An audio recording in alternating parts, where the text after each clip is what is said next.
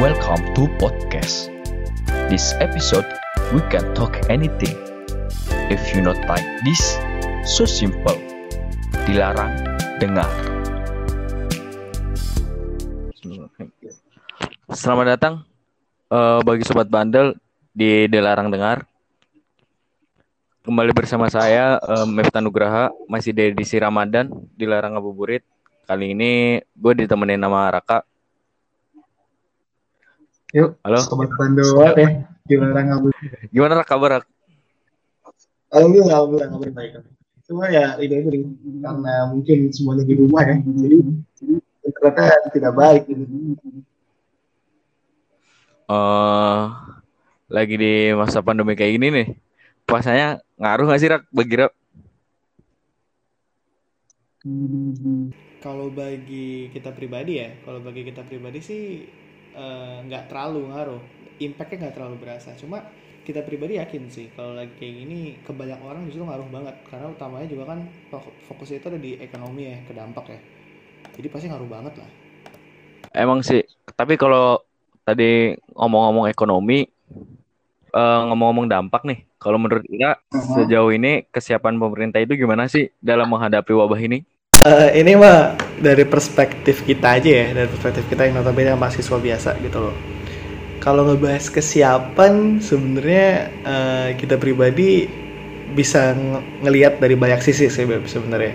Tergantung pemerintah nih mau ngadepin wabah ini di bidang apa dulu gitu loh. Cuma kalau ngelihat dari judul berita belakangan deh, tagline berita pemerintah nih dari Februari ya, itu tuh jauh lebih lucu dari OVJ, serius deh yang jadi yang jadi permasalahan tuh gini masalahnya.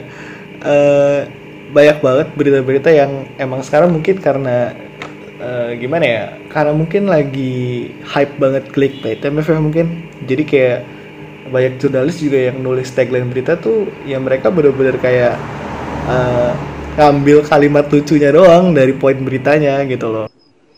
Balik lagi, kalau misalkan kita ngomongin dampak ya, eh kita juga baca di berita itu banyak banget yang ngaruh ke ekonomi gitu, kayak misalkan eh, banyak orang-orang yang dirumahkan atau di PHK dan sebagainya. Jadi gini nih Rak, kalau menurut Ira ada nggak sih eh, kebijakan-kebijakan agak nyeleweng yang pemerintah ambil menurut Ira? Oke, ini mah kita ngeliatnya dari beberapa portal berita ya, yang notabene belum tentu valid juga gitu loh hasil jurnalis mereka. Eh, kayak yang tadi kita mention ya masalah tagline berita tuh kan kocak-kocak ya Bev ya.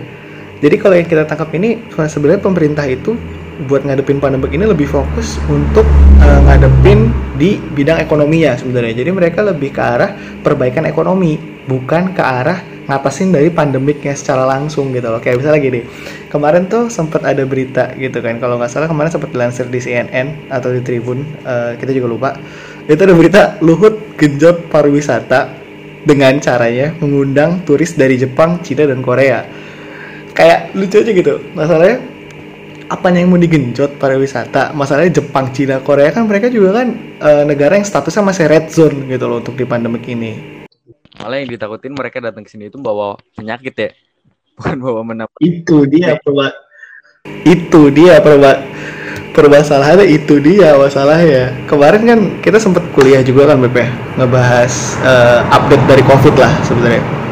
Jadi diteliti kalau penelitian paling baru ya dari Griffith University itu bakal diprediksi ada gelombang kedua bahkan gelombang ketiga buat eh, pandemi covid ini. Kayak di Korea kayak di eh, Wuhan aja kan mereka sempet eh, reda tuh kan sempet nggak ada lagi outbreaknya tiba-tiba nongol lagi yang udah kena bisa kena lagi ini dia mengundang masalahnya jadi kan kayak ngelawak banget anjir Kalau misalkan ngomongin PSBB atau karantina wilayah tuh, gimana tuh Rak? Jadi gini, eh, kita balik ke definisinya dulu ya. Kalau misalnya PSBB itu kan dia pembatasan kegiatan segala segala bentuk kegiatan sosial yang skalanya besar. Itu PSBB. Kalau karantina wilayah itu dia purely karantina wilayah itu nama kerennya lockdown ya. Dia purely kita benar-benar ditahan di rumah. Tapi kalau misalnya di perundang-undangan itu sebenarnya kita ditahan di rumah itu kita ditanggung sama pemerintah.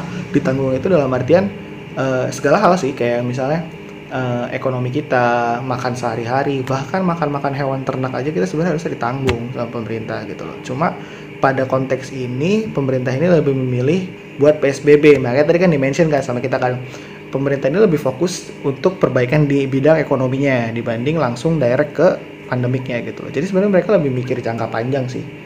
Kalau kita ngeliatnya kayak gitu. Tadi eh, tadi Ira mention di ekonominya ya kan eh, kayak gini nih Hmm. masih banyak eh, banyak orang yang di PHK kerjaannya terus dirumahkan atau bahkan eh, untuk buruh harian itu nggak dapat uang sama sekali gitu. Kita pernah dengar kartu prakerja gitu. Tapi kita eh, secara garis besarnya nggak tahu, kurang paham. Iya, Kalau oke. menurut Ira, kartu prakerja tuh efektif nggak sih? Secara kan eh, justru nih impact paling gedenya itu ke orang-orang kecil ya. Mungkin dia belum terlalu ngerti gadget dan Iya sebagainya. benar-benar. Nah, tapi eh malah dari kartu prakerja ini justru sering ba- yang ba- eh, yang paling banyak dapatnya itu kayak orang-orang yang masih bisa agak sedikit berusaha dibandingkan orang yang Iya, iya. udah itu loh. Iya ya, bener-bener gak mampu lah ya. Iya bener-bener gak mampu lah ya.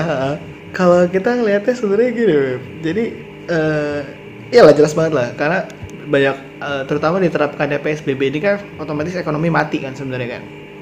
Mungkin pemerintah eh, tidak bisa menyanggupi buat ngehandle semua bantuan ekonomi ke masyarakat. Jadi makanya mereka milih PSBB dan sebenarnya mereka juga udah keren sih menurut menurut kita ya menurut kita sih udah udah cukup keren sebenarnya karena eh, dengan banyaknya orang yang di PHK mereka nih nge-launching sebuah program ya namanya kartu prakerja. Detailnya juga kita masih belum tahu sih masalah kartu prakerja ini. Kira-kira siapa aja yang boleh dapat kriterianya kayak gimana. Coba kalau misalnya dari portal berita ya yang kocak lagi mereka nih kayak blunder masalahnya. Jadi kayak masyarakat tuh di prank gitu loh masalahnya. Nah ini ada tagline berita gitu loh. Jadi untuk yang kartu prakerja ini banyak yang gagal itu karena permasalahan selfie-nya itu miring. Masa kita kan kayak anjir gak penting banget. Buset kayak misalnya orang misalnya kualifikasi udah jelas nih misalnya dia berkebutuhan khusus gitu misalnya dia ekonominya menengah ke bawah gitu kan butuh dong kartu prakerja kenapa gagal gara-gara selfie miring gitu loh terus ada juga berita yang bilang kalau misalnya pemilihan dari orang yang berhak dapat kartu prakerja itu dipilih secara acak ya ini mah kayak sistem undian anjir kayak ada bedanya sama super deal 2 miliar Iya. Hmm, kalau yang lagi baru-baru ini mudik nih, Rak. Hmm. Kalau pendapat kita pribadi, eh agak setuju orang itu boleh mudik, tapi pas sebulan kemarin gitu. Karena mereka Iya, punya waktu untuk mengkarantina diri gitu. Iya benar-benar benar-benar. Tapi kalau misalnya kita untuk mendekat-mendekati Lebaran, kan karena tujuan kita pulang kampung itu Lebaran, jadi kalau menurut kita enggak sih. Oke. Sekarang harus tegas, Benar. bener-bener nggak boleh mudik, bener nggak boleh pulang kampung sama sekali. Kalau menurut kita. Kalau bagi gimana nih? kalau misalnya dari kita pribadi kita justru setuju banget sama Ira sih. Jadi masalahnya kalau masalah mudik yang kemarin kan sempat viral tuh ya ya, yang eh, definisi dari mudik dan juga pulang kampung. Itu masalah masalah timing aja sih sebenarnya mbak. Definisinya mah sama itu sebenarnya. Jadi ya bener kata Ira kalau misalnya pulang pulang kampung atau mudik alias berpindah kota ya kayaknya lebih efektif bulan-bulan kemarin sih. Kalau misalnya bulan-bulan sekarang nih eh, penyebaran makin banyak kita juga udah nggak tahu mana yang red zone mana yang aman zonanya gitu loh kalau misalnya Ira pribadi mudik ke sini biasanya Enggak, kita orang asli. Oh sini ya benar-benar dua-duanya ya. Ibu bapak. Iya. Hmm. Eh, Ira pakai ini gak sih? Buat kuliah online pakai Zoom nggak? Dan sebagainya sih bukan Zoom doang sebenarnya. Dan Iya iya. kita juga tadi dan tadi kita juga baca ya pendapatan kayak misalkan aplikasi-aplikasi online eh, kayak Zoom, gak cuma Zoom doang, kayak misalkan untuk belajar dan atau hiburan kayak misalkan semacam Netflix, iFlix Ya, itu pendapatannya meningkat. Katanya nih, Menteri Keuangan juga jadi kreatif mau narik pajak dari mereka. Bener banget. Itu. Menurut bener banget itu anjir pinter banget sih kayak eh ya kayak zaman zaman kita dulu SMA aja lah kalau misalnya lagi ada artis yang hype ya di kita undang dia gitu biar dia rame. Jadi kayak eh kita bisa nyebut itu kreatif walaupun rese juga sebenarnya. Kita bisa nyebut itu kreatif ya dia bisa ngelihat sebuah potensi dari hal yang lagi hype gitu. Kayak sekarang kan lagi orang di rumah semua anjir belajar lewat zoom hiburan nontonnya Netflix watch time-nya kan gede banget dong mereka otomatis kan. Pajaknya ya bisa jadi ditarik anjir. Yang kemarin aja kayak uh, Mendagri tuh dia kan minta uh, produsen miras pabrik miras buat jadi produksi buat jadi produksi hand sanitizer anjir. Jadi kan kayak orang tuh bisa aja anjir mikir ke arah sana. Bingung gitu mas. Nah uh, closing nih rak. Uh, satu statement terakhir nih. Uh-huh. sebenarnya nih kalau menurut kita ya hmm. penyakitnya itu gak semenakutkan itu sih daripada hoaxnya. Bener banget. Nah gimana sih cara nanggepinnya? Kalau menurut Ira nih uh-huh. Mengedukasi masyarakat tentang gimana bahayanya hoaxnya gitu. Bahayanya hoaxnya? Jelas uh, begini pak. Ya kita juga dari karena kita basicnya Islam juga kan ya kita berkali-kali diingetin kalau pas lagi ngaji itu hati-hati sama fitnah dajjal fitnah dajjal. Ya ini nih kayak gini nih anjir kayak uh, di grup-grup WA anjir hoax-hoax banyak banget yang mengudara anjir kayak uh, sekarang aja kita udah bingung dong mana bedain yang hoax mana bedain yang enggak hoax gitu loh. Saking banyaknya hoax gitu masalahnya. Ini balik lagi ke edukasi sih Map sebenarnya. Karena kalau misalnya edukasi orang tuh bakal ngaruh banget sama apa yang dia baca gitu loh. Masalahnya sekarang banyak banget orang yang nggak mau baca literasi yang notabene valid gitu loh. Baca berita aja males gitu kan. Kadang-kadang orang ke trigger doang sama judul gitu loh. Judulnya kocak gitu. Kayak misalnya uh, Luhut genjot pariwisata. Itu kan kita belum tahu dalamnya apa tapi kadang-kadang kita udah ngejudge gitu loh. Dia tuh fokusnya kayak gimana. Nah permasalahannya edukasi ini penting banget Mip. kaitannya emang sama edukasi sih sebenarnya. Kayak kemarin nih ya uh, kita sempat baca berita itu ada uh, wali kota Prabu Mulih di Prabu Mulih tuh. Wali kotanya itu dia nggak mau ngeliburin karena masalahnya dia itu eh, nggak uh, ngerasa corona itu nggak seberbahaya itu. Sebenarnya ya corona ini nggak berbahaya. Terutama buat kita kita yang emang imunitasnya uh, baik lah imunitasnya baik. Cuma permasalahannya pertama dia itu bisa mutasi. Mutasi itu berubah. Berubahnya itu bisa makin ganas kan Kedua, dia berbahaya banget sama orang yang notabene beresiko. Kayak misalnya dia punya darah tinggi atau kencing manis. Itu dia beresiko banget gitu loh. Dan orang-orang nggak bisa ngebedain itu gitu loh. Takaran bahayanya dan takaran kewaspadaan harus gimana tuh orang-orang nggak pada bisa bedain. Kayak kemarin aja kan masalah ada yang meninggal tenaga medis tuh. Dokter-dokter sama perawat-perawat tuh kan. Itu tukang gali kubur takut anjir nggak mau nguburin. Supir ambulannya juga nggak mau nyupirin anjir kayak aduh kocak banget anjir masalahnya jadi ya susah juga sih. Kalau menurut pribadi gimana sih anjir? Kayak respon masyarakat nih gimana anjir sebenarnya kocak dalam pandemi ini nih? Uh, ada baik ada buruknya kalau menurut hmm, kita. Gimana tuh? Baiknya masyarakat itu menurut kita uh, jadi lebih aware terhadap kesehatannya masing-masing sih.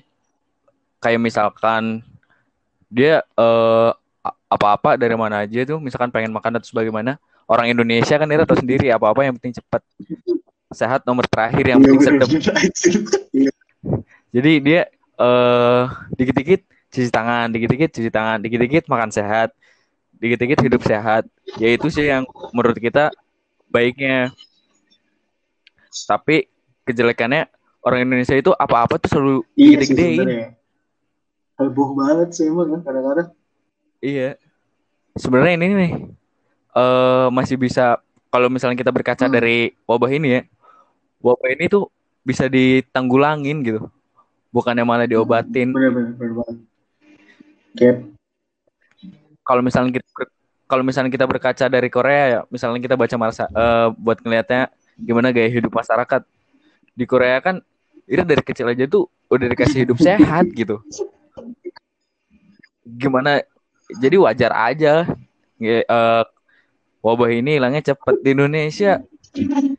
Allah Kira baru belajar cuci tangan yang baik yang baik aja tuh pas Ira masuk kuliah ke kesehatan. Pas ada wabah doang aja. Gitu sih. Udah. Oke nih Rak. Yo, sama Thank you banget ya. Sama-sama. Sorry nih. Uh, semoga yang lain keluarga Ira dikira kakak Ira kucing Ira pada sehat. Bapak Ira. Semoga lancar juga ya kuliah online. Tetap. Oh iya. Yeah. Semoga ini juga uh, wifi. Jangan. Mention produk udah mention produk aja bahaya. Ini sih eh, bisnet kapan nih Iya, masuk ke saya juga waru ya Allah. pakai sering banget trap pakai pakai rumah senja kopi. Kenapa coba? Soalnya Anjing, rumahnya anjing. Indie banget. semua ini pagi yang terus banget. Aduh, ya Allah. Udah ya Eh, Gerak. Oke, terima kasih teman-teman yang sudah mendengarkan eh, di episode Dilarang Ngabuburit ini bersama Raka. Semoga ibadah puasanya lancar, eh, segala sesuatunya dimudahkan. terima kasih terima juga kasih. teman-teman